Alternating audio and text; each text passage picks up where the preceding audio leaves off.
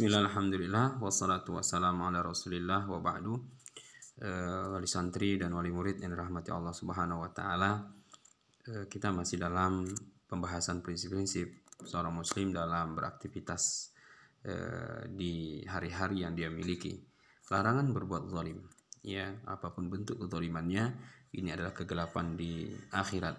Ya, Nabi SAW bersabda Adzulmu dulumatun yaumal qiyamah Kedoliman adalah kegelapan di hari kiamat. Oleh karena itu, setiap muslim dan muslimah tidak boleh mengisi hari-harinya dengan kedoliman. Baik kedoliman kepada Allah maupun kedoliman kepada Nabi yang sallallahu alaihi wasallam dan kedoliman kepada makhluk. Ya, kedoliman kepada Allah seperti melakukan kesyirikan. Ya, melakukan hal-hal yang baru dalam beribadah.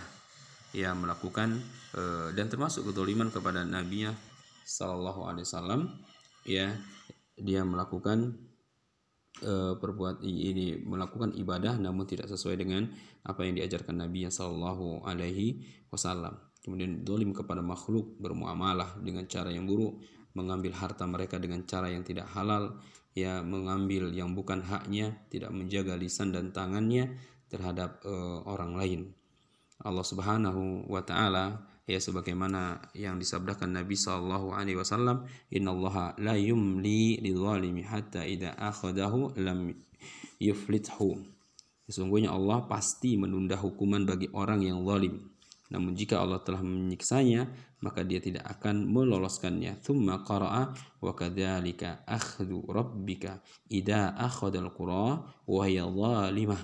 In inna akhdahu inna akhdahu alimun syadidun Kemudian Nabi SAW membacakan satu ayat dan begitulah siksa Rabbmu jika dia menyiksa penduduk negeri yang berbuat kezaliman sungguh siksanya sangat pedih dan sangat berat. Oleh karena itu hendaknya setiap muslim merasa takut dari dosa ya kezaliman. Dikhawatirkan eh, perbuatannya itu akan mengundang musibah ya bala petaka bencana dari Allah Subhanahu wa taala. Ittaqu da'watal madlum. Ya berhati-hatilah kalian doa orang yang terdolimi.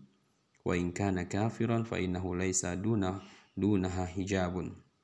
Meskipun ia seorang kafir, sesungguhnya tidak ada penghalang bagi doa orang yang terdolimi. Hati-hati dengan kedoliman. Kemudian ia bersikap zuhud. Ya zuhud, yakni e, melakukan yakni meninggalkan sesuatu yang tidak bermanfaat untuk akhiratnya. Ya zuhud bukan berarti tidak boleh memiliki harta, bukan berarti tidak boleh memiliki uh, harta dunia, boleh. Namun dia meninggalkan sesuatu yang tidak bermanfaat untuk akhiratnya. Ketika uh, dia melakukan sesuatu, dia uh, menghitung-hitungnya terlebih dahulu. Apakah perbuatannya tersebut bermanfaat untuk akhiratnya atau tidak? Nabi Shallallahu Alaihi Wasallam bersabda izhad di dunia, zuhudlah di dunia ini yuhibbakallah maka Allah akan mencintaimu. Wazhad ma indan nas dan zuhudlah terhadap apa yang dimiliki manusia yuhibbakan nas maka manusia akan mencintainya. Artinya kita tidak perlu uh, pusing memikirkan apa yang dimiliki manusia. Karena apa yang mereka miliki itu akan menjadi tanggung jawab mereka. Kita akan ditanya kita hanyalah ditanya tentang diri kita tentang apa yang Allah berikan kepada kita. Kita tidak ditanya tentang apa yang mereka miliki Kemudian yang terakhir dilarang saling mendengki. Ya, saling mendengki, hasad.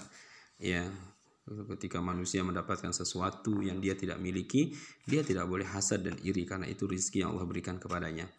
Artinya ketika dia iri kepada manusia karena harta yang mereka miliki, ini sama saja dia tidak ridho dengan apa yang Allah berikan kepada orang tersebut.